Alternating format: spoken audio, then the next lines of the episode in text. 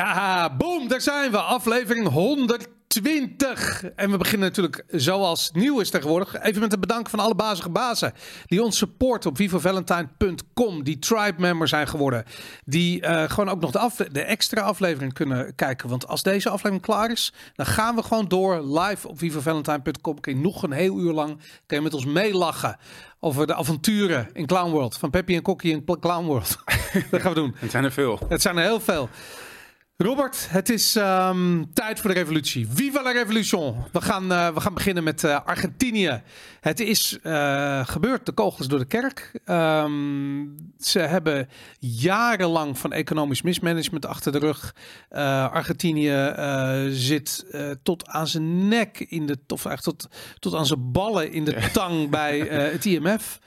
Um, ik zag dat ze al negen keer op hun schuld hebben zijn ge gedefault. En, Klopt. En twee keer in de afgelopen tien jaar of zo. Ja. Nou, en, en dat hele ding van als je steeds hetzelfde doet, hoe kun je dan verwachten dat je een andere uitkomst krijgt? Ja. Dat, die les zijn zij letterlijk aan het leren geweest. Ze hebben nu 100% inflatie gehad afgelopen jaar. Dat betekent dat alles, maar dan ook alles. Uh, Um, ja, uh, niemand komt meer rond. Ik heb wat documentaires zitten kijken, ook van uh, gewoon middenklassers met goede banen, twee werkenden die tot de tiende van de maand uitkomen. En de rest van de maand drinken ze een soort van shakes of, of, of proteïne, sportpoeder, dat soort dingen gaan ze krijgen om, om maar het vol te houden tot, totdat ze een keertje kunnen avondeten en hebben ze wat rijst. En het is, al, het is al sinds, dus al tientallen jaren zo? Nee, het is, de, het is al zeker tien jaar lang aan het verslechteren. Maar inmiddels zijn we zo ver. Die staatsschuld van hun is zo groot. En die peso, die Argentijnse, Argentijnse peso is zo weinig waard.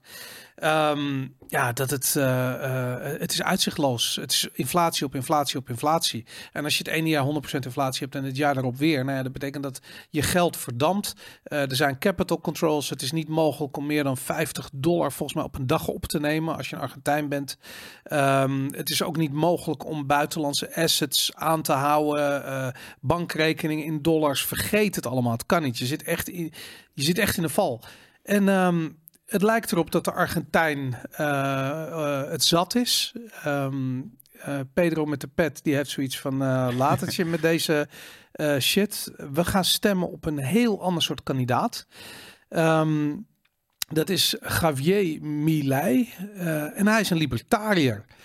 En hij heeft de voorrondes uh, gewonnen. Hier is die. Argentina makes slide after far-right libertarian Javier Milei win in primary uh, vote. Ja, het is grappig. Al die kutmedia, die noemen het far-right. Ja, dit, dit, is echt, dit zijn echt goals voor mij, zeg maar. Dat ik ooit, ik zie ook bij de NOS staat hier...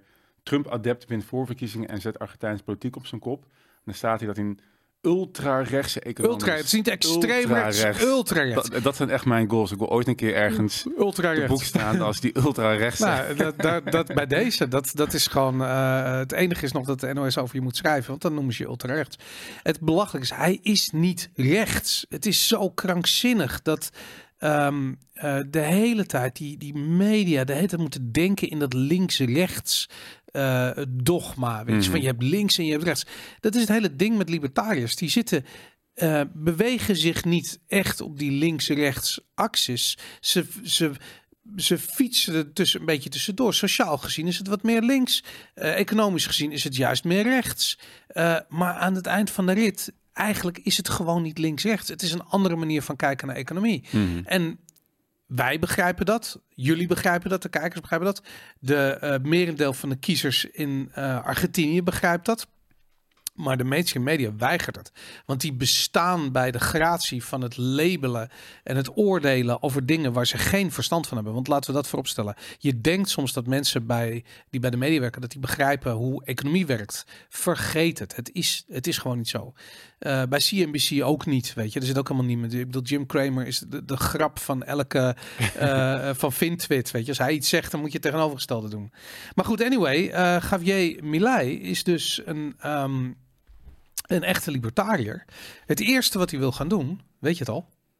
Uh, het eerste? Ja. ja volgens, tenminste, ik weet niet, ja, ik als, hij, als hij gekozen wordt, hè? want de verkiezingen zijn pas volgens mij november of zo. Ja, want hij is nu hij is gekozen tot uh, lijsttrekker van zijn partij. Ja. Dus dan hierna komen inderdaad de verkiezingen tussen alle andere partijen. Dus het was een soort van lijst wat hij... Hij mag nu meedoen aan de verkiezingen. Ja, dat is een beetje Jetten en weet ik veel wat. Ja, ik weet niet of het helemaal gel- hetzelfde is, maar dat. eh, Ja, volgens mij wel. Ja? Ja. Oké, nou goed. Oké. Maar dus dan... eh, ehm, en dan, ja, hij wil heel veel dingen doen. Hij wil, eh, hij wil, hij gelooft niet in klimaatcrisis.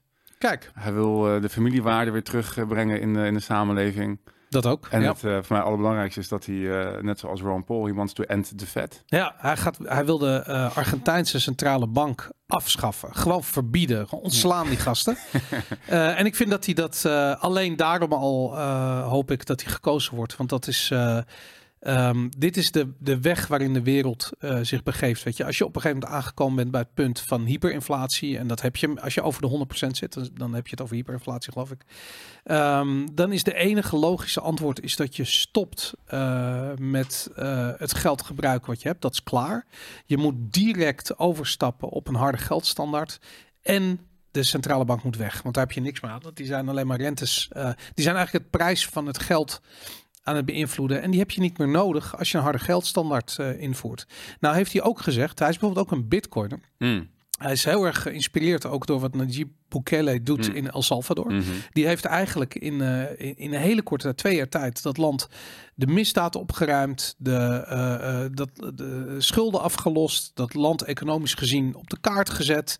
Ehm, eh, er weer een toeristische eh, ehm, eh, bestemming van gemaakt. Echt ongelooflijk wat er in El Salvador gebeurt. Ook door iemand met stevige libertarische trekjes.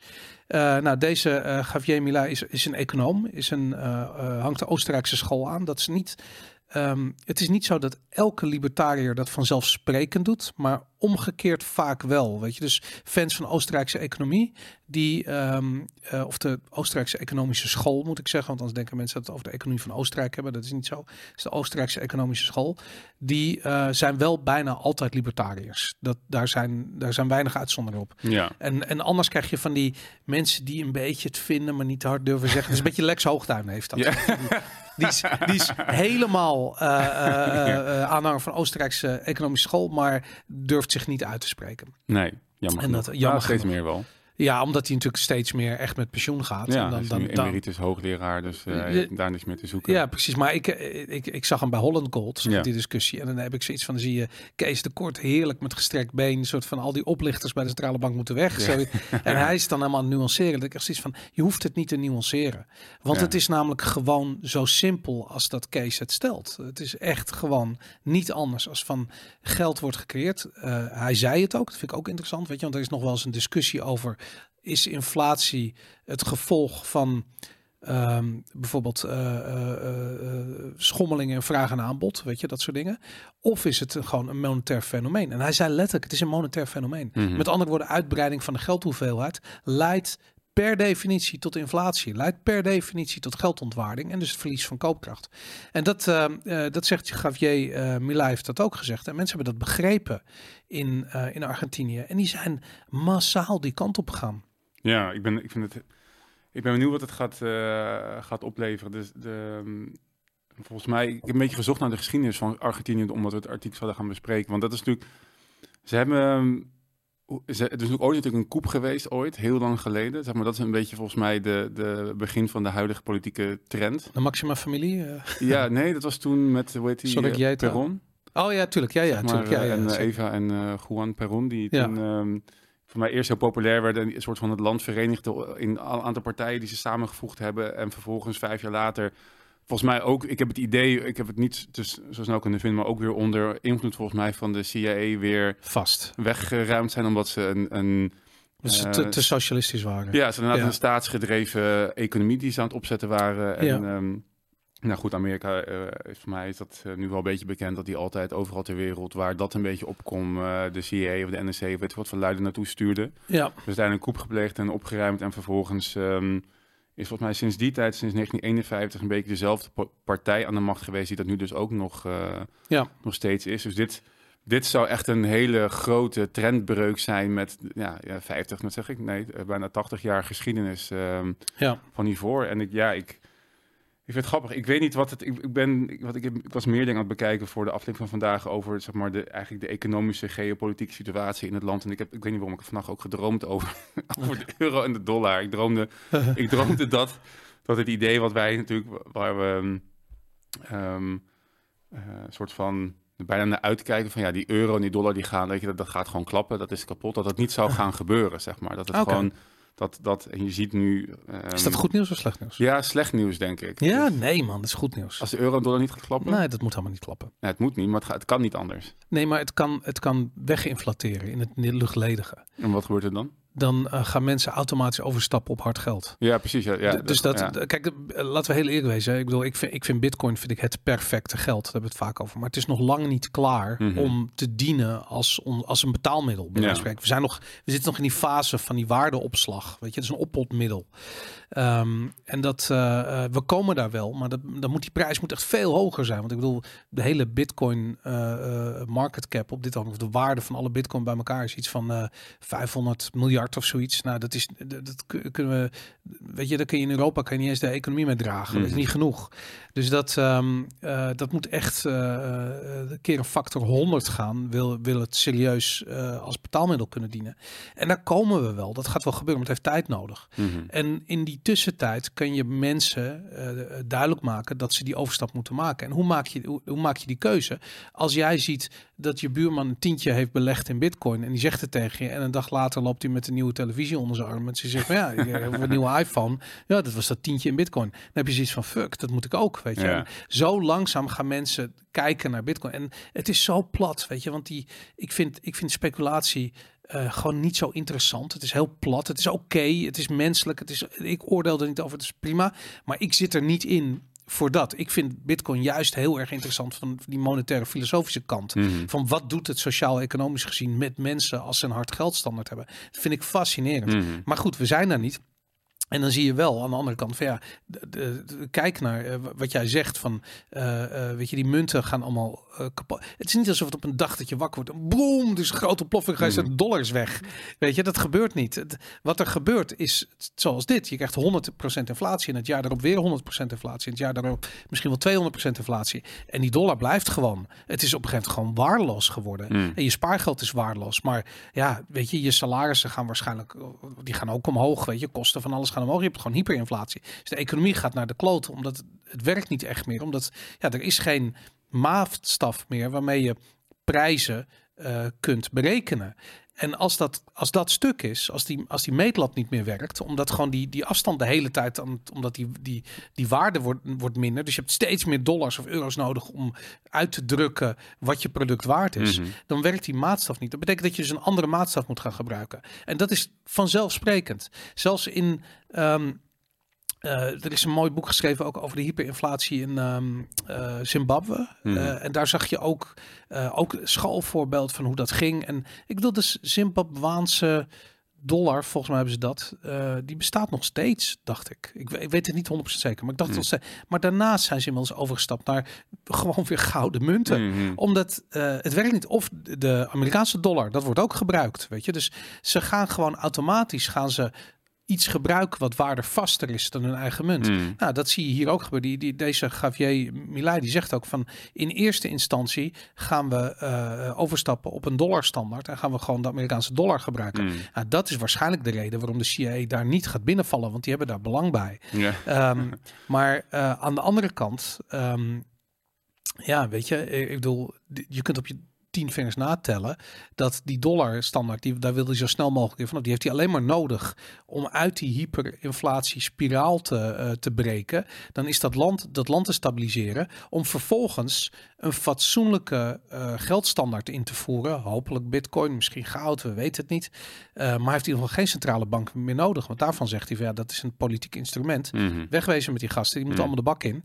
En eh, ja, ik, ik, ik ben het er helemaal mee eens, weet je. Ja. De- deze man, eh, eh, en ik vind het zo leuk, omdat, weet je, ik bedoel, wij hebben een kleine podcast in Nederland. Weet je, er kijken misschien 30, 40.000 mensen of luisteren naar ons.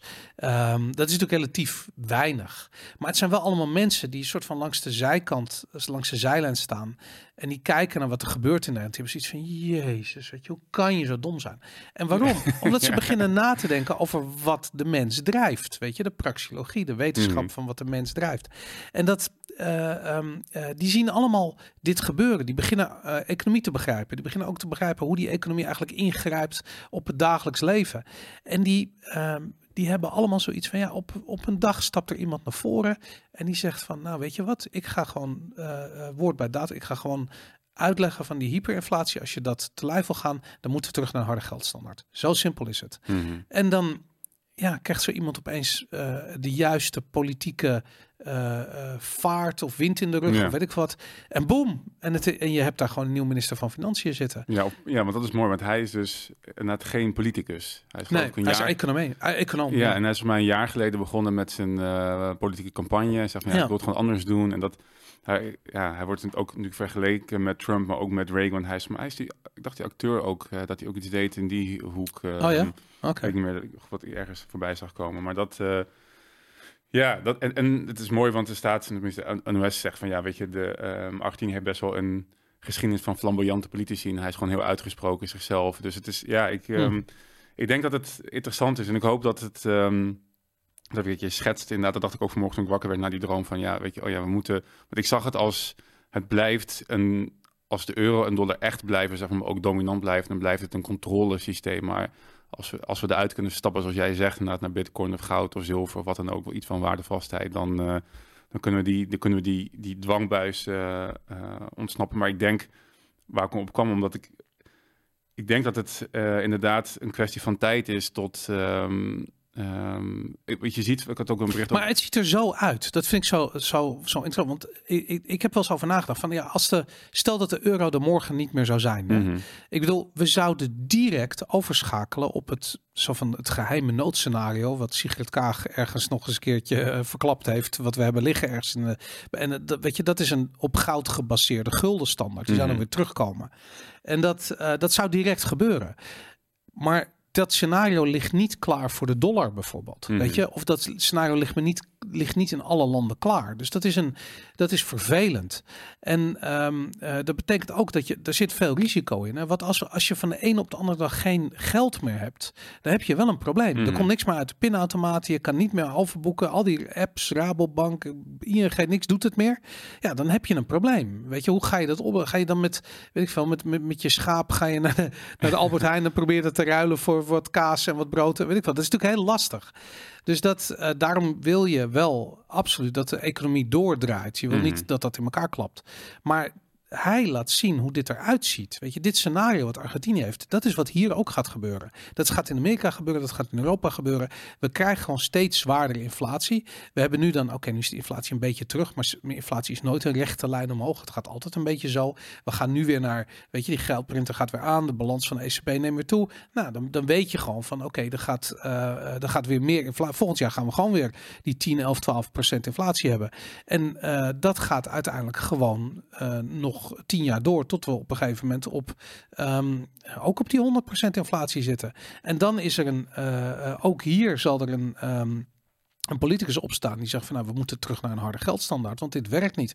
En dan tegen die tijd zijn er zoveel van die oplichters eh, in de politiek eh voorbij gekomen dat mensen ook zoiets hebben van het werkt niet. En we zijn daar nu al man. We zijn nu al dat mensen de politiek niet meer vertrouwen. Gaan we het Mhm. zo over hebben ook. Mhm. Maar dat, dat- ja, we zijn daar al. Dus op het moment dat er iemand opstaat en zegt van luister, we gaan het heel anders doen. Weet je, al die instituten waar we allemaal op vertrouwen, die niks toevoegen, die echt niets doen voor de, voor, voor de Nederlander, die gaan we per direct afschaffen.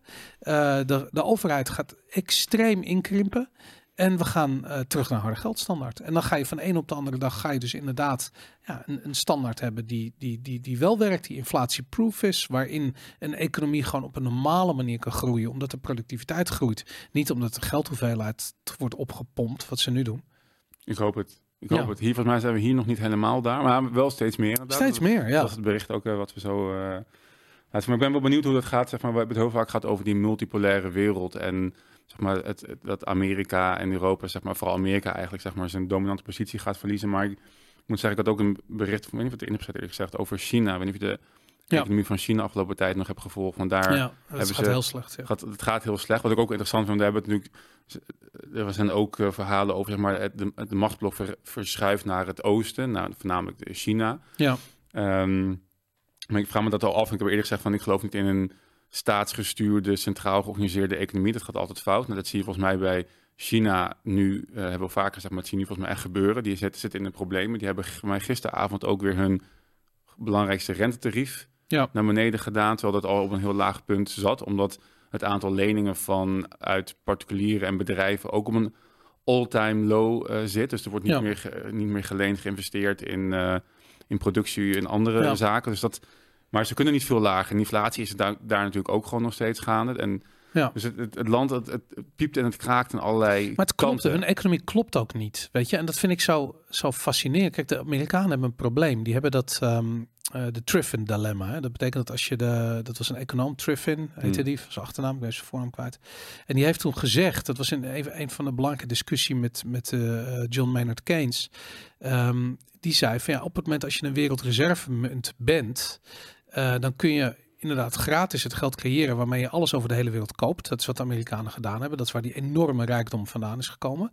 Uh, maar je produceert uiteindelijk niks meer, omdat het altijd goedkoper is om, uh, om, om geld te creëren dan om Hmm. productie uh, te laten plaatsvinden. Hmm. Dus die productie verdwijnt, die gaat concurreren om echt geld. En uh, ja, weet je, dat is altijd goedkoper in een land zoals China. Mhm. Dus China heeft een, een, productie die niet aansluit bij de behoeften van het land. China heeft een productiecapaciteit die aansluit bij de behoeften van de wereld. Dus op het moment dat die Amerikanen en ook de Europese uh, centrale bank de, uh, de rente omhoog gooit, ja, dan gaat er minder gekocht worden in, in China. Boom, die shit gaat gelijk uh, weg. En dat is, het, dat is de troef die Amerika nog in handen heeft. Ik bedoel, de dollar is wel aan het teruglopen, maar het is echt nog niet weg. En dat. Um... Nee, en ik blijf ook bij dat Amerika dus en nou, misschien in de zekere zin Europa ook nog toch nog een soort van vrije marktkern fundament hebben gehad. Um, omdat ze een aandelenmarkt hebben. Ja, maar en, ja, en omdat er gewoon er is nog relatief meer vrijheid dan bijvoorbeeld China, zeg maar. Ja. Dus het is relatief flexibeler en kan zich beter aanpassen aan economische uh, veranderingen of Ja. demografische veranderingen. En in, in China dan moet een wijze, wijze guy uh, uit het torentje zeg maar, bedenken wat ze nu weer gaan, uh, gaan doen en wat voor beleid en wat wel en niet kan. Ja. Dus dat, dat werkt gewoon veel minder, minder goed. Dus daarom denk ik dat Amerika het nog wel eens lang, lang zou kunnen uitzingen. Um, maar kijk, Amerika gaat ook slecht. Dat is het. We hebben net gezien dat uh, was het Fitch heeft de, de, de kredietrating van Ja. Amerika naar beneden. Ja, naar dat, dat is gewoon lang overdue. Als je Ja, ja, ja, maar, maar het, het politieke signaal daarvan is oorverdovend. Mhm. En uh, volgens mij was het ook Jellen die reageerde van ja, nee, die cijfers zijn verouderd. de, de staatsschuld hebben we er maar toe, weet je. Dat, ik bedoel, als het verouderd is, dan had het verouderd moeten zijn in de zin van dat het de, de rating nog verder naar beneden moest worden Mhm. bijgesteld.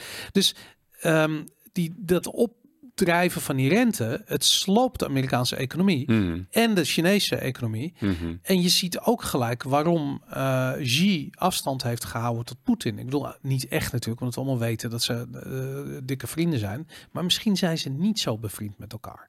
Misschien is het toch, um, uh, realiseert China zich toch dat ze wel erg afhankelijk zijn van het Westen. Mhm. Uh, voor de afname van al die productiecapaciteit die ze Mhm. daar in China hebben.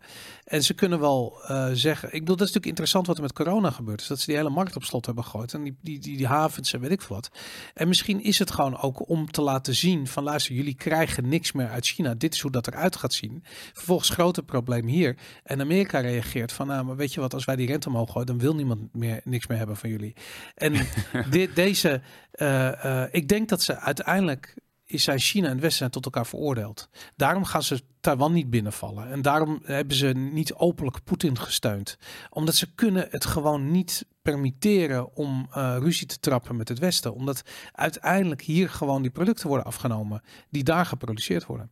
Ik ben wel benieuwd wat dat gaat opleveren op het moment dat uh, de BRICS goudstandaard zeg maar uh, de hoek om komt kijken. Als dat ooit gaat gebeuren. Want je denkt dat het niet gaat gebeuren? Nee, ik denk dat het niet gaat gebeuren. Dus China blijft echt recordaantallen goud opkopen elke maand. Ja. Ja. vorige, volgens mij vorige week weer een bericht over. Ja, tuurlijk. Maar, maar dat, de, de, ik bedoel, de, je kan al het goud opkopen van de hele wereld. Maar het, het, uh, uh, je gaat weet je, je gaat gewoon niet een situatie hebben waarin al die landen het met elkaar eens zijn. Kijk maar naar de euro. Weet je, dat zijn allemaal Europese landen en het is dan een nachtmerrie. Mhm. En dan wat gaan we Zuid-Afrika en China en, en India en Iran, die gaan allemaal met elkaar en Brazilië, die Ja, gaan dat, allemaal is de, gra- dat is de grap, dat heb je bij hun idee niet. Zeg maar niet? Hier, omdat hier ten eerste hebben die euro ook gekregen over al die landen, dus dat is, dat is gelukt, zeg maar. eh, dus dat het invoeren Maar gaat werkt prima. het? Het werkt Nee, omdat het een fiat geldstandaard is, maar dat gaan zij niet doen. Nee. Maar het idee is dat zij een goudstandaard gaan doen. Nee, dat, dat, trust me. Tuurlijk gaan ze. Dat, er ligt goud in de centrale bank. Weet je, ga jij er naartoe om te kijken of dat er echt ligt? Nou ja, dat, is, dat is het probleem van Fiat. Nee, maar je- dat is maar goed, maar dat kan je, van hebben we daar eerder over gehad. Dat kan je natuurlijk wel het moment dat, bedoel, dat had de dollar ook heel lang. De dat is wel de, de reden dat de dollar uiteindelijk zijn status heeft gekregen. Dus of het blijft, dat is dan even een tweede. Maar ik kan me heel goed indenken dat je dat invoert. Mhm. Dat je inderdaad elke BRICS-munt, zeg maar, voor zoveel gram goud kan inwisselen. Dat kan je gewoon testen als je dat kan doen. Zeg maar, dan moet je dan, Nou, ik, je hoeft niet te editen. Je moet gewoon zeggen, ik heb hier BRICS-munten, geef me, Het geef gaat me goud. nooit gebeuren. Waarom niet? Denk jij dat jij en jij gaat met je met je met je met je 10 BRICS coins ga je naar de naar, naar Peking toen dan gaan Nee, staan. natuurlijk niet. Ping zo, zo werkt het niet. Je ik kan, wil graag. Nee, maar zo zou het moeten werken. Als het zo werkt, Nee, nee, dan heb je een Je goudstandaard. hoeft, je hoeft niet naar Peking toe, zeg ik. Je kan, je kan, je kan gewoon zeggen dat je, je kan het op een bepaalde manier bij kantoren lokaal, zeg maar, inwisselen. Dat- Ik denk, als, het, als het echt gaan invoeren, No dan Nee, maar dan moet het goud moet hier naartoe. Dat gaat niet gebeuren. Ja, dat weet ik niet. Ja, Ik nee, ja, maar dat ja, nou ja, goed. Zeg nog, nee, ik denk, ik denk dat het echt, als ik in naar China of Rusland zou zijn en je wil de hegemonie van Amerika ondermijnen, dan Hm. doe je hoe zij groot zijn geworden. Ja, maar dat betekent dat zij. Dat is het vervelende met die, met die Fiat-standaard. Is dat als jij. uh, Willem Middelkoop die zei het van als iedereen financieel of economisch gezien door rood rijdt en jij gaat op de rem staan voor het stoplicht, dat is levensgevaarlijk. En dat is wat hier gebeurt. Dus als eh, eh, China, eh, die produceert nu volgens mij drie vliegdekschepen waar Amerika er eentje produceert, of misschien is het wel meer zelfs. Ehm, als je een harde goudstandaard hebt, dan produceer je helemaal niks meer. Alleen maar dingen die echt noodzakelijk zijn voor de economie waar vraag naar is. Er is geen vraag naar vliegdekschepen. Weet je, Mhm. ik bedoel, dat gaat Mhm. gewoon niet, niet meer gebeuren. En dan heb je Amerika die gewoon nog keihard doorgaan met het printen van die dollar. En daarmee gewoon een, een, een, een, een, een, werelddictatuur kopen. Nee, maar, maar dan, als, je dit, als je denkt dat dat werkt, dan ga je in tegen je eigen geloven over dat hard geld beter is dan, dan Nee, het, nee, maar het, het- ik, ik, ik, ik ben er heilig van overtuigd dat hard geld beter is. Maar die transitie daar naartoe, die kan Mhm. niet plotseling zijn. Dat is waarom je ook, daarom die BRICS met die eh, gouden munt, dat gaat echt niet op die manier. Ik weet, elke goudliefhebber die, die, die, die, die, die staat te juichen en die, die, die, die, die zweet in zijn broek van, de, van, van, van enthousiasme dat dit gaat gebeuren. Het gaat gewoon niet gebeuren. Het kan niet. Ik denk dat het wel kan. Ook omdat, maar goed, je gaat Iran, hè, Iran een, een land wat eigenlijk al, al, al, hoe lang? Al 40 jaar lang in een soort van koude oorlog verwikkeld is met Israël. Die kan het zich permitteren om een harde goudstandaard in te voeren en geen eh, eh, militaire eh, eh, ehm, eh, groei meer te, te financieren. Nou, het is sowieso is het een. ehm maar dat discussie die hoor, hebben we vaker gehad, zeg maar, over. ehm ik heel hele tijd geleden. Het ging over. We hebben een tijdje ge- geleden gehad over zeg maar een voorwaardelijk basisinkomen of zeg maar negatieve inkomstenbelasting. Dat was een Ja. standpunt van de LP van eh, oké, een soort van als je praat over zo'n tussenfase van het moment dat de overheid niks doet waar we heen willen gaan, tot de overheid zeg maar nu heel veel doet. Mhm. Misschien een tussenstap dat je alle, alle uitkeringen die nu bestaan en alle subsidies aan bedrijven en instellingen, Ja. die zeg je allemaal op. En wat je doet is, je doet zeg maar een soort van, net zoals je de nu de huurtoeslag hebt, krijg je een soort van levenstoeslag. Als je inkomen niet toereikend is, wordt het, wordt het op een bepaalde manier aangevuld. Ga je meer verdienen, dan krijg je nog wel, maar steeds iets minder. Waardoor, dat, zeg maar, waardoor meer werken blijft lonen. Eh, ehm, eh, eh, Maar waarom zou je dat willen? omdat, nou goed, Laat mensen gewoon meer werken als ze meer Peter, geld andere discussie, andere discussie. dat is niet de discussie nu. het gaat erom, het, het ging ook een beetje over zeg maar, wat is politiek haalbaar nog. Maar goed, dat is dat even. Mhm. Jij zei toen dat is niet te financieren zonder gratis geld. En dat is niet waar, zeg maar. Het is eh, als jij. ik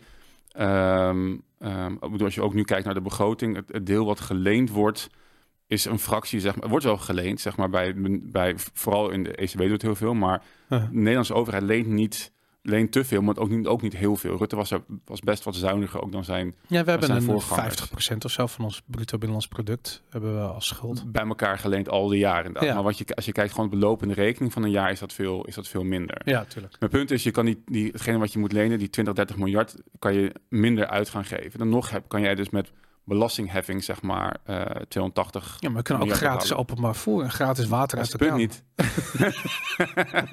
Fietspaden. Ja. het punt is dat je kan, en dat heeft Amerika ook best wel lang gedaan, zeg maar voor 1971, je kan best een grote marine opbouwen met belastinggeld, zeg maar, of warbonds en dat soort zaken. Moet dat? Nee, moet je niet doen. Ik denk, ik denk in ieder geval dat. Ik ben het niet met je eens. Ze kunnen helemaal... Ge- Kijk, kijk Hebben maar... gedaan, toch? Dat hebben toch heel lang gedaan ook. Nee, kijk maar hoe het gefinancierd is. Want de, eh, eh, eh, de Tweede Wereldoorlog is een van de grootste aanleidingen geweest om een goudstandaard los te laten. Hmm. En daarna is dat alleen maar geëscaleerd. En als je bijvoorbeeld de, hoe groot de, de waren in, in hoeveelheid manschappen. Amerika had bijna een miljoen soldaten op de been gebracht in de Tweede Wereldoorlog. Mhm. Maar als je kijkt wat ze gewoon aan materieel hadden, dat viel wel mee. Als je kijkt wat ze nu hebben, wat ik bedoel, een kruisraket Nee, nee, dat- kost alleen al. Dat ik met je eens. De huidige vorm van zeg maar oorlogsvoeren, dat kan niet. Maar je kan, laat ik zo zeggen, Nederland die zou 50 miljard kunnen ophalen zeg maar per jaar om hun eh, defensie te kunnen Ja. bekostigen. Dat is vijf keer zoveel als nu. Uh-huh. En 50 miljard kun je makkelijk met, met belastinggeld zeg maar betalen of, of met eh, bepaalde andere. eh, Ja, maar het, mijn, mijn punt is niet dat je niet, je kan niet, je kan wel geld uitgeven, Mhm. maar niet zo snel als een land wat een Nee, Fiat. En als jouw vijand een Fiat standaard heeft in eh, eh, de, de combinatie van een Fiat standaard en een hopeloos naïeve onwetende bevolking. En dat is Amerika. Ja. Dus die, die combinatie is dodelijk. Als dat je vijand is, dan heb je dus een, eh, een bevolking die is gewoon eh, hun, hun spaargeld uitgeeft, massaal, zonder uitzondering. Aan, eh, aan, aan, aan oorlogsvoering tegen jou. Want dat is wat inflatie is. Het is gewoon belasting. Het is een verkapte belasting. En als mensen het niet zien dat ze belasting betalen, omdat ze ik toch nog gewoon duizend dollar op de bank staan, weet je, terwijl het, heeft nog maar een koopkracht van een tientje, dan maakt niet uit. Maar waar is, dat, waar is die koopkracht naartoe? Daar, daar is oorlogsmateriaal van, van gekocht. Dus dat gaat gebeuren. En die, ehm, eh, je kunt daar niet tegen, eh, je kunt daar niet tegen op. Nou, dat, dat, kan je dus, dat zie je dus nu wel. We zitten nu in een tijdperk dat het dus allemaal op, op breken staat. Ja, En het punt is dus dat je iets moet doen. Je moet dat, dat, die, die breuk moet jij overleven. Dus op het moment dat jij nu zegt van weet je wat, we gaan inzetten. Want Amerika gaat het ook niet vol kunnen houden. Die gaat ook niet, die, die credit rating is nu ook net naar beneden, maar die kan nog wel drie punten naar beneden. Zeg maar het is op een gegeven moment klaar. Je kan het er niet meer bijdrukken, want dat is het hele idee van, van fiat geld. Het nee, is niet, jawel, dat is de central bank digital currency. Ze willen negatieve rentes. Dat is waarom ze dat gaan doen. Ze gaan gewoon door. Zometeen ga je, het gaat namelijk niet hard genoeg. Het moet steeds harder gaan. En hoe lang denk je dat dat... Ik bedoel, nu al zijn mensen hun vrijheid aan het kwijtraken. Waarom Ja. is dat? Omdat ze zometeen geconfronteerd gaan worden met negatieve rentes van 6% of zo. Nou, en dan, en dan is het lekker handig als jij in je 15-minute city opgesloten zit als vee. en het enige wat je kan doen is gewoon werken en, en je, je spaargeld afdragen aan, de, eh, eh, aan de overheid, die er vervolgens wapens van gaat kopen. En dat is gewoon het, het hele, of de banken overeind houden, Ja, maar een dat is- van de twee. Nee, dat klopt. Maar dat is, en het is nog wel te doen. Maar het is niet. Ik denk, mijn punt is, als BRICS het zo wel zou doen, met zo'n goudstandaard, wat je dan gaat zien, is dat Amerika. Die dan krijgen we zo'n Calhoun-situatie met die, met, die, met die rattensamenleving, waarbij Ja, ja. iedereen zichzelf wat opvreten en geen kinderen meer gaat krijgen, is het binnen 50 jaar klaar. En dat China, als ze dat niet doen, ja, je moet inderdaad even wat minder geld uitgeven aan, aan defensie. Maar uiteindelijk zou je, en ik bedoel, het zit niet in hun standaard, het zit niet in hun cultuur, dus ze gaan geen vrije markteconomie Mhm. en goudstandaard zeg maar kunnen, kunnen Ja. doorvoeren. Maar als we het zouden doen, dan weet ik, wel, weet ik wel zeker dat ze stand zullen houden zeg maar, tegen het, het fiat-geweld van Amerika en het Westen. Maar het is niet het fiat geweld. Het is gewoon, het, het gaat door fiat betaald militair geweld zijn. Dus als, uh, als China de, de, de, de, hoe noem je dat, de uh, uh, minder hard met zijn militaire inhaalrace aan de slag gaat, dan gaat er wel oorlog komen en dan is China is weg. En als dat gebeurd is, dan gaan ze in Amerika een keer nadenken over een harde geldstandaard. En dat is eigenlijk exact wat er met de, met de Russen is gebeurd in de Koude Oorlog. Weet je, dat, die zijn ook economisch helemaal kapot gemaakt.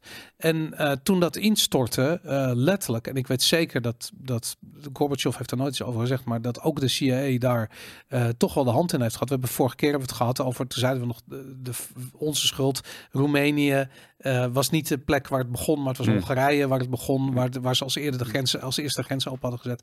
Um, maar goed, dat, dat is hoe dat eruit gaat zien. En, het, en, en ik, ik ben het 100% met je eens dat de Fiat-standaard is, is het ergste wat je kan overkomen als land. Um, maar de overgang van een Fiat-standaard naar een harde geldstandaard is gewoon een, een eentje die is heel moeilijk. Mm -hmm. En die kan of gepaard gaan met grote economische ellende, uh, of kan heel geleidelijk zijn, afhankelijk van het kennisniveau van de bevolking.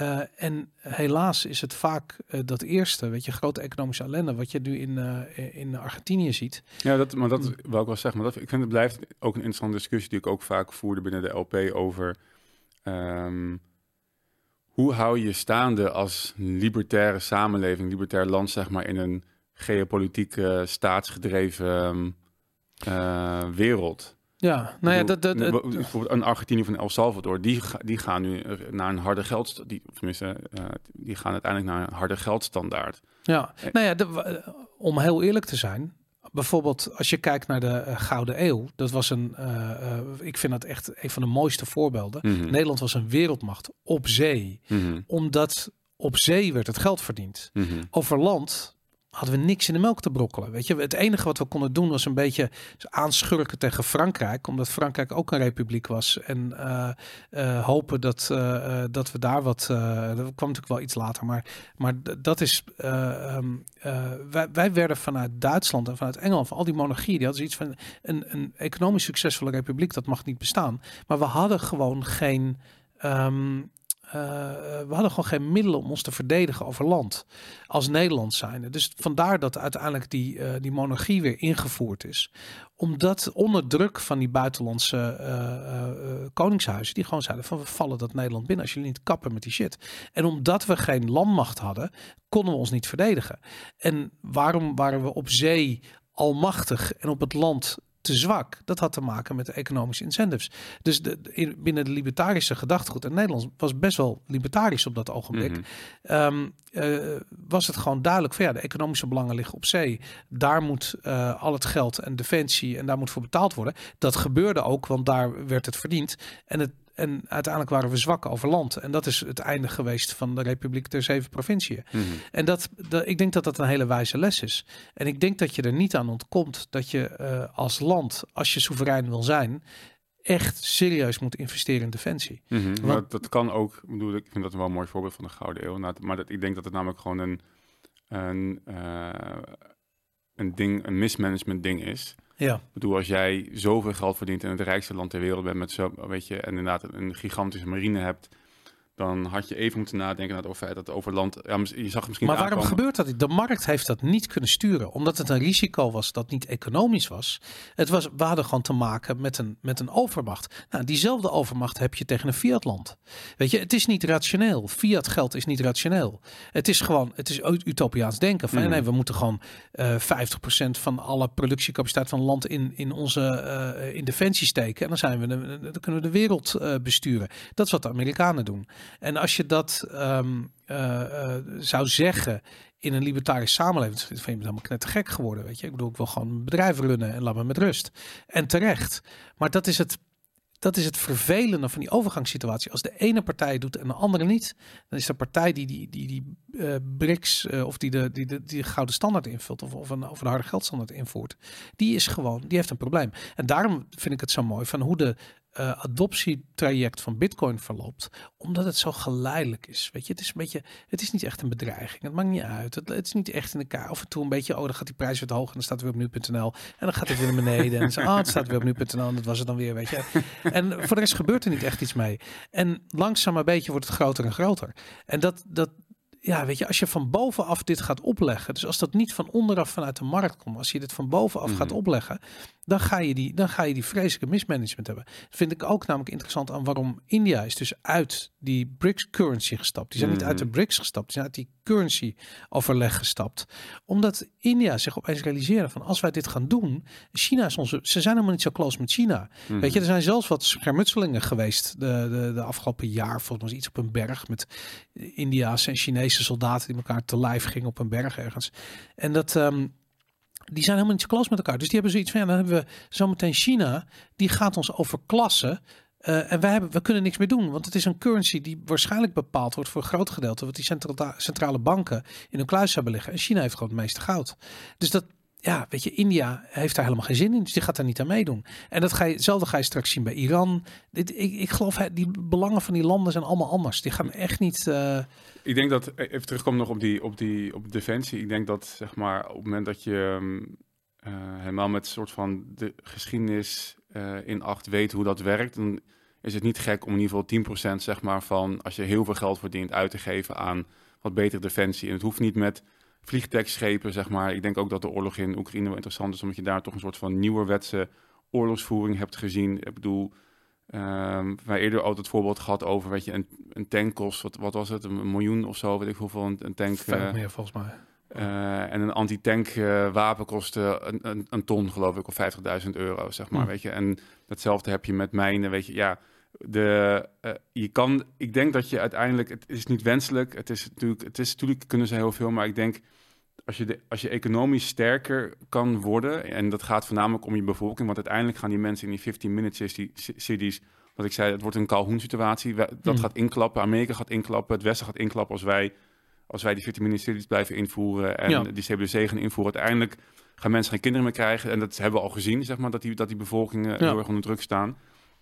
Dus je houdt het nog maar een paar jaar vol totdat het gewoon klaar is. Dus het is, het is een kwestie van uitzingen. En dan heb ik toch een groter geloof in een harde geldstandaard als die echt hard is dan zo'n fiat geldprinter van, van Amerika. Ja, maar ik ook, maar het gaat om die overgang. Maar ook in die overgang. Ik denk dus als ik bedoel, China heeft niet, niet een leger of kernwapens, zeg maar. Er is no way in hell dat als, ze nu, als zij nu een, geld, een goudstandaard gaan invoeren, dat ze dan in één keer kansloos zijn, zeg maar, militair gezien. Dat, dat is gewoon niet zo. Nee, nee, nee, maar daarom zeg ik van, zij gaan een goudstandaard, zij gaan een goudstandaard invoeren, tussen aanhalingstekens. zij gaan gewoon, gewoon zeggen van deze nieuwe BRICS currency is door goud ondersteund. En China als grootste economische macht in dat blok, die gaat gewoon bepalen hoe het zit met uh, de geldcreatie in dat blok. En want uiteindelijk, het gaat nog steeds dezelfde fiat mentaliteit. Want het zijn dezelfde mensen die nu een fiat mentaliteit uh, uh, daarop bestaan. Als die mensen niet weggaan, dan blijft die mentaliteit. En dat je het geld anders noemt of dat je samen gaat werken. Kijk maar naar uh, Europa, weet je. Dat is gewoon een kopie van Amerika, inclusief het monetair beleid geworden. Dus dat, is gewoon, dat zijn gewoon mensen met die mentaliteit. Die gaan nooit never niet te hard gaan, want dat kennen ze, ze snappen het niet. Ze willen het niet weten. Ze hebben daar gewoon helemaal geen zin in. Ik, ik weet het niet. Ik weet, dat is ook een andere discussie. Dat zei ik het ook van. Ik weet niet of zij nou de mentaliteit hebben om een vrije markteconomie en dat soort zaken in te voeren. Dus dat even daar gelaten. Maar als ze wel echt een harde goudstanden invoeren, dan zie ik het niet zo problematisch volgens mij als jij dat schetst. Ik denk best dat dat een, een hele sterke troef zou zijn, zeg maar, tegen de, de, de bubbel die in het Westen gewoon ook op klappen staat. Uh, en als je dan een, ik bedoel wat je net zegt, het feit dat productie weggaat naar, um, uh, dat gaat dus geld, zeg maar, niet meer gratis wordt. Dat, daardoor mm. trekt de productie weg uit, uh, uit China. En als China dat dan zelf kan tegengaan door zelf een harde geldstand in te voeren, ja, misschien dat dat dan Nee, maar de, de, de, eh, wat er zou moeten gebeuren is dat alle uh, inefficiënt toegekende kapitaal zou, de, zou uh, naar boven moeten komen drijven. Dus mhm. alle, al die zombiebedrijven gaan failliet. Dat is gewoon driekwart van de Chinese economie. Dus dat, dat een harde geldstandaard in China is het. Het is het, ik bedoel, dat, dat bedoel ik. Een harde omschakeling van het ene geldsysteem naar het andere geldsysteem. Dat is niet iets wat zomaar. Dat is gewoon. Dat zou desastreuze deflatie tot gevolg mm hebben. En ik bedoel niet dat ik niet vind dat dat moet plaatsvinden, want dat, dat is natuurlijk de bubbel die opgeblazen is. Het, gaat, het gaat al plaatsvinden. Het is, een, het is niet dat het niet maar gaat hoe gaat het plaatsvinden? En dat is, dat is de dat het gaat plaatsvinden, is iedereen het over eens. Hoe het gaat plaatsvinden, dat is de strijd. Weet je, mensen die die central bank digital currency aanhouden, die hebben zoiets van: mhm. het moet onder onze controle plaatsvinden. Weet je, iedereen moet, moet in zijn 15 minute city opgesloten worden en mag nergens meer heen. Uh, en dan kunnen we controleren hoe het gaat plaatsvinden. En weer anderen zeggen zoiets van. Niemand zegt van fuck it. Laten we gewoon kijken wat er gebeurt. Dat doen ze niet. En dat omdat dat een politici doet dat niet. Politicus doet dat niet. Weet je, die zijn allemaal, die denken allemaal dat ze, weet je, de olie, de, de flow op de rug van de olie van die denken dat ze controle hebben. Dus die, in dat grote ego gaan ze proberen controle te krijgen over een situatie waar geen controle over te. Door die bubbel die gaat gaat barsten. Het is alleen de vraag van hoe gaat het, hoe gaat het eruit zien? Mhm. En daarom heb ik zoiets van ja, de, in een ideale situatie komt er iets naast. Waar, stel je voor, hè, dat, dat, stel je voor, kijk, een echte goudstandaard, dat betekent niet geld en dan goud in een kluis. Nee, dat betekent gouden munten. Mhm. Dus dat betekent dat je gewoon een hele kleine gouden muntje waar je in de supermarkt je brood mee kan, weet je, echt gewoon goud daarmee betalen. Mhm. Stel je voor dat je nu vandaag de dag, dat ze hier in Nederland, dat we naast de euro een, een gouden munt zouden invoeren die je gewoon kan gebruiken. Wat denk je dat er gaat gebeuren? Jij hebt in je hand, in één hand heb je, uh, weet ik veel, een briefje van 50 euro. En in de andere hand heb je uh, eh, 50 euro goud. Wat ga je, ga je uitgeven als jij bij de supermarkt bent? Mijn euro's. Natuurlijk. Iedereen. En dat is waarom uh, die, um, die, die, dat, dat gezegde van good, bad money drives out good money. Mm -hmm. Dus het, het, het slechte geld wordt uitgegeven mm -hmm. en in het goede geld wordt gespaard. Dat is waarom um, Bitcoin nu een, een een oppotmiddel. Dat het gebruikt wordt om te sparen en te speculeren. Maar niet om uit te geven als betaalmiddel. We zijn daar nog niet. En dat is het. Maar wat, wat, wat wil je nou maar zeggen? Nou, dat als je van de ene op de andere dag een echte goudstandaard zou invoeren, mm -hmm. wat, wat China dus zou doen, mm -hmm. dan, um, uh, dan heb je dus een, een, een, die yuan die ze hebben, die gaat, dat, dat, dat, dat is niks. Dat is wc-papier geworden van de een op de andere dag.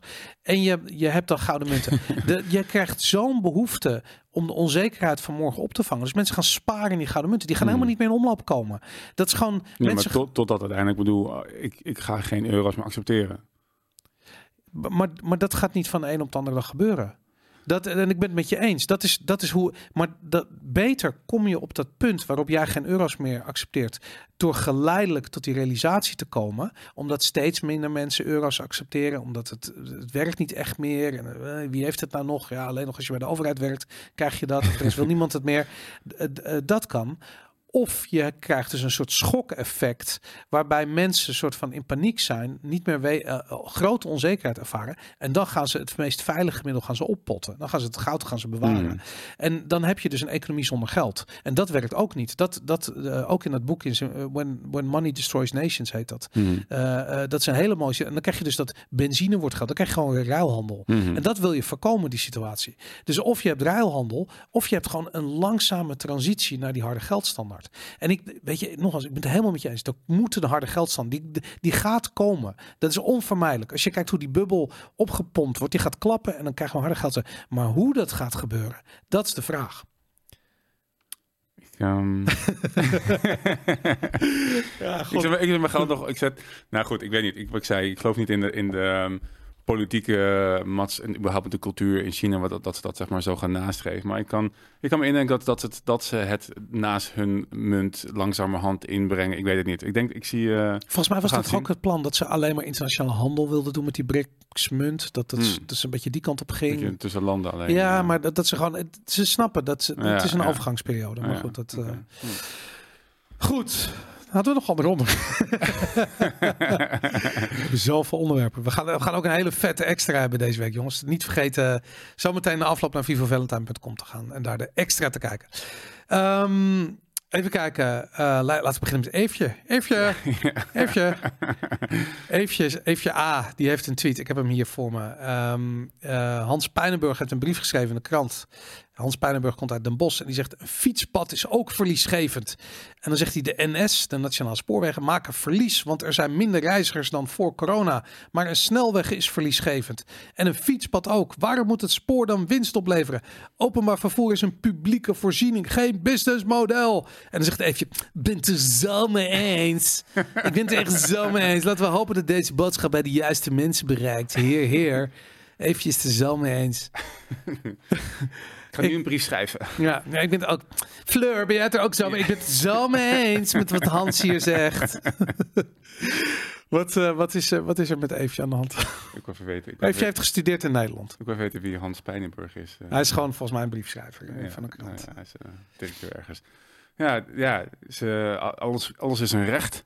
Alles is recht. Ja, gewoon, ik, gewoon, gewoon recht op fietspaden ja, en uh, snelwegen. Gratis openbaar vervoer. Ja. Ja. En dat, uh, dat laat ze nu even duidelijk weten. Het is zo onzin dat we hier al die tijd, dat het geld heeft gekost, dat, ja. dat er mensen waren die daaraan gewerkt hebben en hun tijd hebben ingeruild om dat fietspad en de, te creëren of uh, om, um, om die treinen te rijden en het spoor aan te leggen en zo. Dat is, ja, dat is allemaal onzin. Die mensen ja. moeten gewoon gratis werken, want het is ons recht om daar gewoon gebruik van kunnen maken. Maar even dat argument, hè. een fietspad is ook verliesgevend. Ja. Die vond ik echt heel vet. Ik vond hem ook goed gevonden. Ik had ja. van ja, nee, het is waar, weet je. Een, verlies, een fietspad, een, verlie, een, verliespad, een fietspad is inderdaad verliesgevend. Um, maar dan moet je wel gelijk in één zin aan toevoegen. Een fietspad, nadat het eenmaal uh, aangelegd is, kost het ook niet meer heel veel geld. Het is niet alsof er heel veel kosten nog aan een fietspad zitten nadat het is gebouwd. Dus je zegt één keer van oké, ik ga hier uh, een fietspad aanleggen. Dan Mhm. betalen we met z'n allen betalen voor het fietspad. Ze zijn helemaal blij en dan gaan we er overheen fietsen. Ehm, maar het is niet alsof er nog elk jaar nog gewoon, weet ik veel, moeten de ambtenaren betaald worden voor die fietspaden die moeten vegen en zo. En, en, en ja, weet je, dat, eh, er zijn natuurlijk wel wat kosten, maar, maar niet vergelijkbaar met een commercieel bedrijf zoals de NS. En waarom, kijk, ik zo vind, grappig trouwens, even een fietspadverhaal. Dan ga ik het zeggen. Maar die, nou, het is heel onderhoud, onderhoudsarm. dus Ja. nou, het blijft, je moet het misschien mij na een aantal tientallen jaren moet je het misschien weer een keer eh, een vervangen, asfalt draaien, zoals ze dat noemen. in- Ah, oké. Ja. in de business. Vet, ja. Maar de, de grap is, weet je, we hebben natuurlijk net die hele bekende rode fietspaden. En dat is ook, Ja. wist je dat die zeg maar roder worden door de regen? Nee. Omdat zeg maar, er wordt een bepaald materiaal in gebruikt wat oxideert, waardoor het dus rood wordt. eh, en we hebben natuurlijk best wel wat regen in, eh, in Ah, Nederland. Dus dat, Ze worden is- gratis, worden ze Ja, gewoon nog gewoon gratis, rooier. Gewoon worden ze, wordt ze rood. Ja, dus Ongelooflijk. dat, Gewoon eh, gratis rood krijg je ja. bij je fietspad. Bizar. Maar ik, ik had zoiets van... ehm, ehm, ergens... Ik, kijk, dit sentiment wat Eefje voelt... Ik heb nog meegemaakt dat bijvoorbeeld het GVB, het gemeentevoerbedrijf in Amsterdam, dat het Mhm. gewoon 100% een overheidsorganisatie was. Nog steeds, volgens mij. Oh ja, is dat nog GVB steeds? wel, ja. Ah, Oké, nou goed. Niet. Ik, ik, volgens mij, het GVB is toch een keer geprivatiseerd? Ja, Weet ik wel? vrij zeker hoor. Ik dacht GVB. Wel. Er is een privatiseringsgolf geweest. En toen hebben we een aantal van die bedrijven zijn geprivatiseerd. En ik dacht, de, de GVB ook. Ik ga het even opzoeken terwijl Oké. ik verder praat. Nou goed, anyways. Toen, eh, toen heb ik ook gezien dat de service slechter werd. Materieel werd slechter. eh, meer gezeik. Eh, met de NS exact hetzelfde. De NS werd geprivatiseerd. eh, en toen is eh, de NS en ProRail zijn van elkaar getrokken als twee verschillende bedrijven. Ehm, met als gevolg dat de NS te maken had met technische problemen. En de technische mensen weggingen bij ProRail. Omdat ze niet meer met hun vingers, met de knieën in de modder konden staan. Want die hadden namelijk echt verstand van, van treinreizen. En ehm, nu, nu heb ik ook, waar ik eigenlijk naartoe wil, maar ik ben eigenlijk wel benieuwd of, of het GVB eh nu Ja, dus even kijken. Ehm, in 2001 wilde de gemeente Amsterdam met GVB verzelfstandigen. Een comité met raadslid Sarah Boerlaag en OR-voorzitter Bubub haalde ruim 40.000 handtekeningen op om een referendum af te dwingen.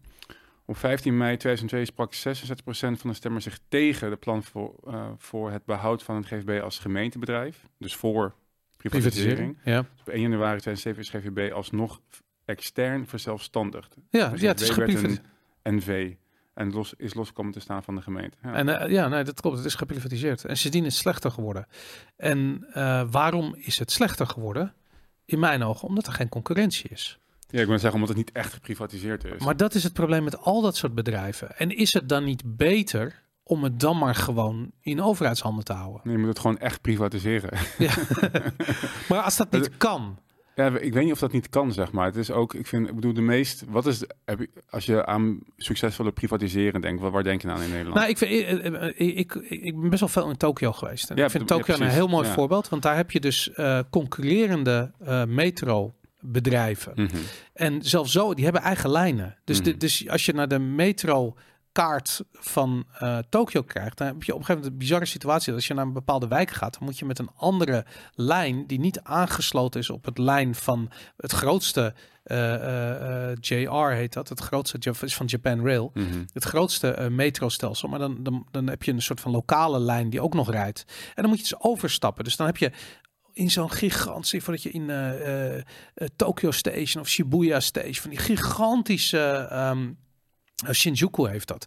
Die heeft zo'n heel groot metrostation, echt meerdere verdiepingen. En dan moet je dus helemaal naar een uiteinde, waar dus, dan moet je eruit, dan moet je zo'n ander kaartje voor dan de, Hmm. die. Dus uiteindelijk hebben ze nu wel weer dezelfde kaartjes. Voor in het begin was het zo dat je echt opnieuw moest betalen Hmm. eh, om die andere lijnen te gaan.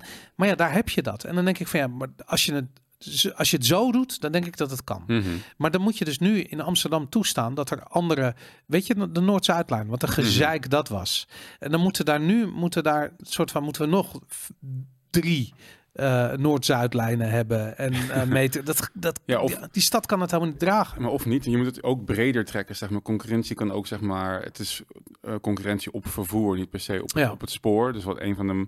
eh, en ik vind trouwens dat van Japan echt een heel mooi voorbeeld, want dat is, het heeft echt een ziek goed werkend uh, openbaar vervoerssysteem. Weet ja. alle bullet trains, maar het is inderdaad geprivatiseerd. Het zijn private ja. bedrijven die dat hebben gedaan en hebben ja. aangelegd. Dus het, je hebt helemaal geen overheid nodig om dat goed uh, te regelen. Maar je hebt wel inderdaad echte concurrentie nodig. En misschien is het ook gewoon zo dat je inderdaad concurrentie buiten het spoor moet toestaan. Ik weet dat, dat we hier een aantal jaar geleden, zeg maar, toen uh, wilde Flixbus die hele goedkope busmaatschappij die vooral tussen grote um, ja, landen... Parijs en Berlijn en zo. Ja, rijdt in Amsterdam naar weet ik veel, Frankfurt en zo.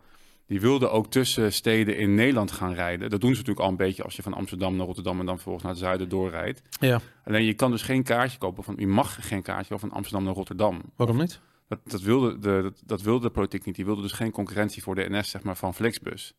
En dat soort zaken. Maar je, en is het mogelijk om een commerciële met een bus naar Rotterdam te rijden. Dat, die dienst is een connection, doet dat ook niet of zo? Ik weet niet of volgens mij, want dat is dus het ding, ik, het is niet echt geprivatiseerd, want je hebt dus in Nederland heb je concessies. Dus elke provincie die heeft een regio wat ze aanduiden waar jij dan zeg maar het openbaar vervoer mag aanbieden. Maar volgens mij mag je dus ook geen concurrerende wow. uh, um, vervoer aanbieden, los dat het amper mogelijk is omdat jouw niet-commerciële partijen zeg maar, daar gewoon gratis geld voor krijgen. Ja. En dus gratis lege bussen kunnen zeg maar, laten, ja. laten rijden. Maar je, en je mag niet halteren bij de bushaltes die zijn aangelegd. Zeg maar. Het Ja. hele systeem is ook, is ook ingericht zeg maar, op die overheidsdiensten. Weet je, de busbanen en de, ik bedoel, je hebt natuurlijk ook eh, steeds minder ruimte voor de auto en meer voor het openbaar vervoer. En daar mag je alleen maar gebruik van maken als je in zo'n concessie zit. Zeg maar. Goed, het is helemaal kapot gereguleerd. Er zitten zoveel regels aan vast dat er niks meer er is niks vrije markt aan. Dus, het, dus ook als je hierin zou uh, verstelfstandigen, wat dus de GVB heeft gedaan, dan zit je in een systeem wat gewoon communistisch is. Ja. Dus dat, en als je, pas als je dat los gaat laten, dan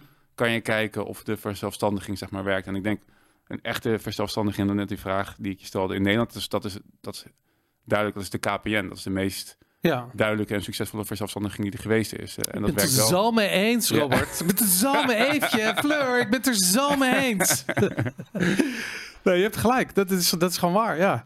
Ik, ik vraag me wel af, ehm, die situatie waar we in zitten... Want we hebben dan die, die bedrijven die dan tussen aanhalingstekens zelfstandig zijn. Want ze zijn het niet echt. Want als ze verlies leiden, dan kloppen ze gewoon aan bij de overheid. En dan zeggen Ja. van, wil je dat er nog trams en metro's rijden in Amsterdam? Ja. Want dan moet er, moet er even gelapt worden nu, weet je. En dat doen ze ook. Ik bedoel, die bedrijven krijgen gewoon veel geld van de overheid. Dus net zoals in New York, de MTA in New York is echt, leidt volgens mij een miljard verlies per jaar of zo. Het is echt gestoord. Maar dat, en waarom? Omdat dat, ja, wat ga je anders doen? Weet je, ga je, ga je zeggen van, nee, ga maar lekker failliet? Weet je, dat doe je ook. Dat zouden ze moeten doen. ja, Maar als het helemaal van de overheid is, dan kan je tenminste nog zeggen, de minister van, eh, van de metro en de trams en de bussen, die Mhm. kan je tenminste nog wegstemmen. Maar nu zijn ze en politiek niet eh, te, eh, te verantwoording te roepen. Ze houden zich niet aan hun verantwoordelijkheid, want ze leiden verlies. Dus een efficiënt bedrijf is het ook niet.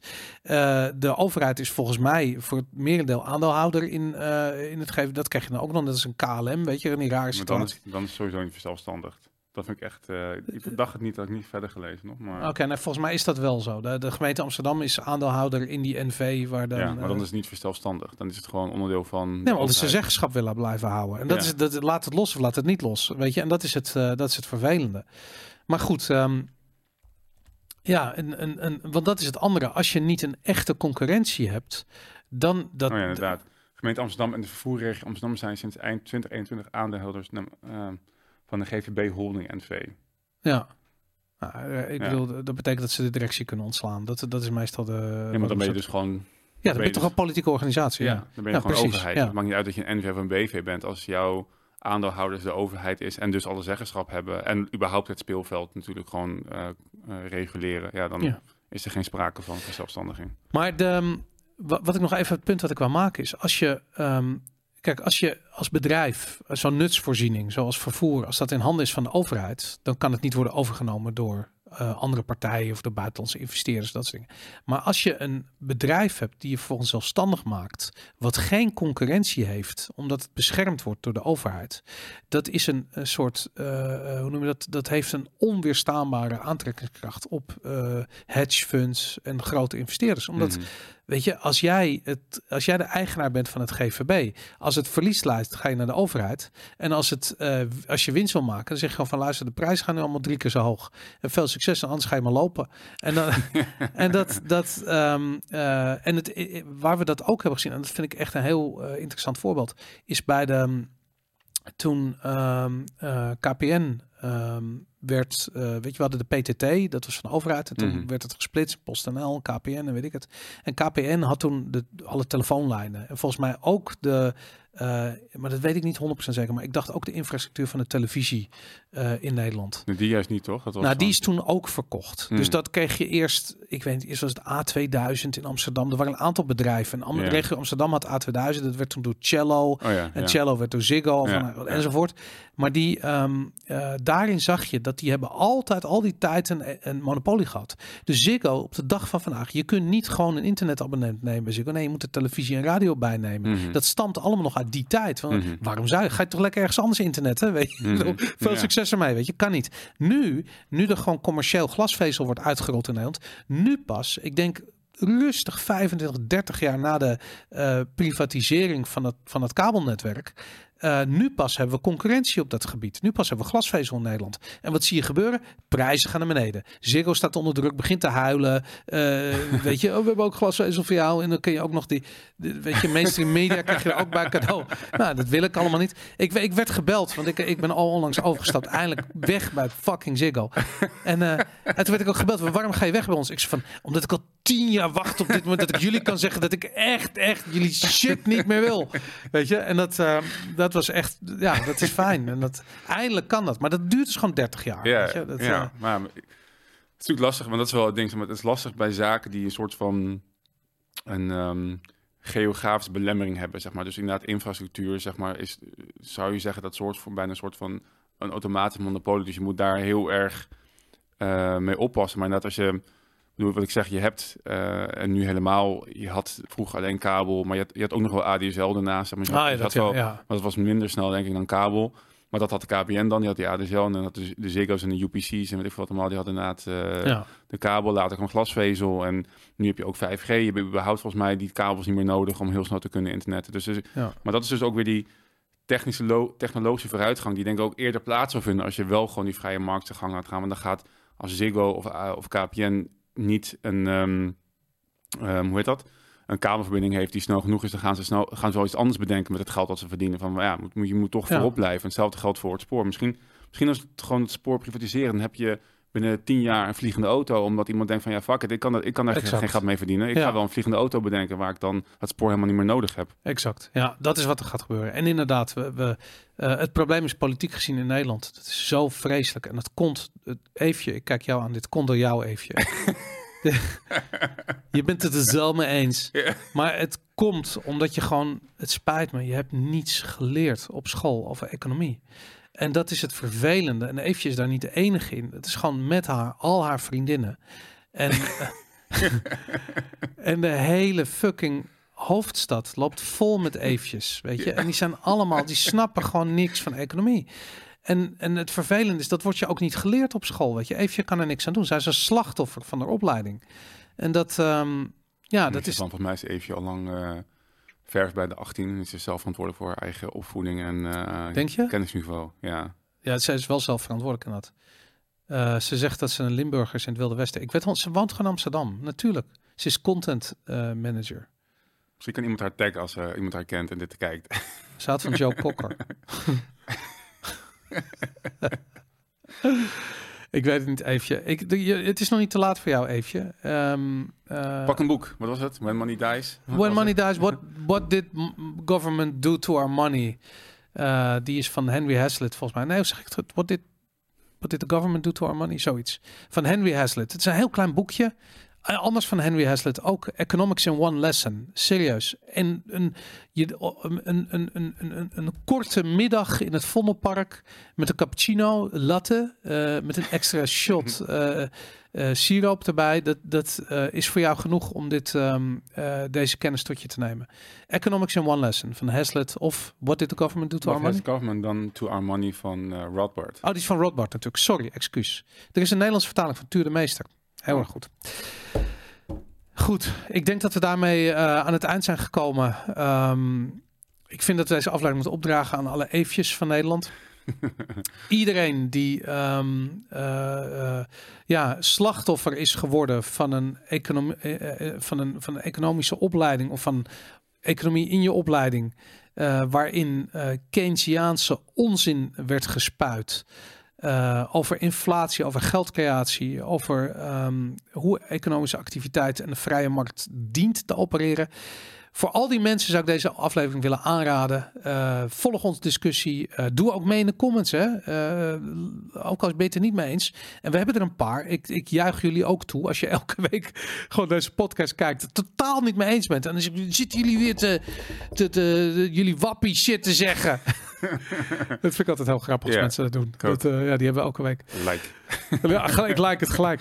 Goed, um, wij gaan door op vivavalentine.com. Um, als je tribe member bent. Uh, als je problemen had met inloggen, excuus daarvoor. Dat is inmiddels hopelijk opgelost. Is het niet opgelost? Uh, laat het eventjes weten. Berichtje op Twitter, berichtje op Instagram, een e-mailtje.